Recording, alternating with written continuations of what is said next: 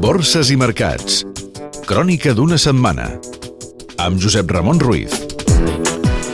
Ha estat una setmana bursària marcada per les incerteses generades per la desfeta electoral socialista a Espanya i que, segons els analistes, pot dificultar els objectius de dèficit públic davant dels temors a uns números vermells autonòmics i municipals superiors als previstos i per la renovada esposa un efecte contagi de la crisi del deute a Europa després de les rebaixes de les perspectives d'Itàlia i Bèlgica.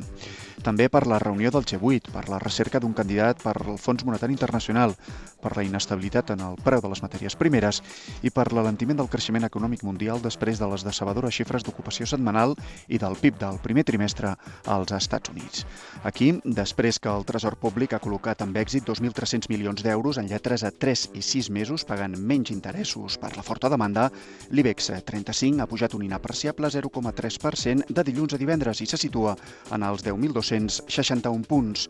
Des de l'1 de gener, el selectiu de referència de la borsa espanyola acumula uns beneficis d'un 4,08%. Cotitzades catalanes. Criteria. El holding de participades de la Caixa ven a Good Grower el 80% dels hospitals de Vida Caixa d'Esles per 190 milions d'euros. Gas natural Fenosa. La filial Gas Natural Mèxic ha tancat una emissió de deute a 4 i 7 anys a la borsa mexicana per un import d'uns 240 milions d'euros. Grífols. La Junta d'Accionistes ha aprovat no distribuir dividends per primera vegada des que la companyia cotitza en borsa.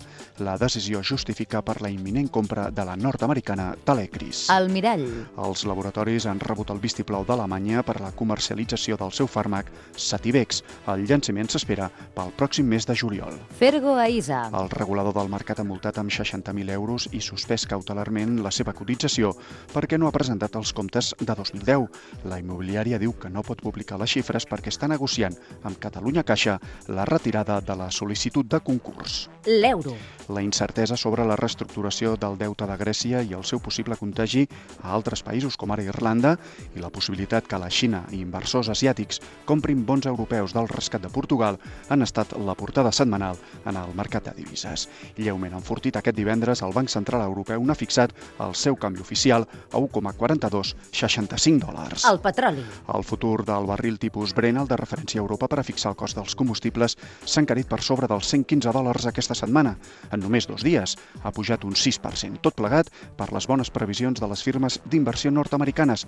Creuen en la recuperació dels Estats Units i la bona demanda emergent. Vocabulari financer. Què és el Latibex? És l'índex espanyol en el que es negocien els 32 principals valors del mercat bursari de l'Amèrica Llatina. Brasil, Mèxic i Xile són els països que porten més empreses. L'avantatge d'aquest índex pels inversors és que poden negociar els títols en euros.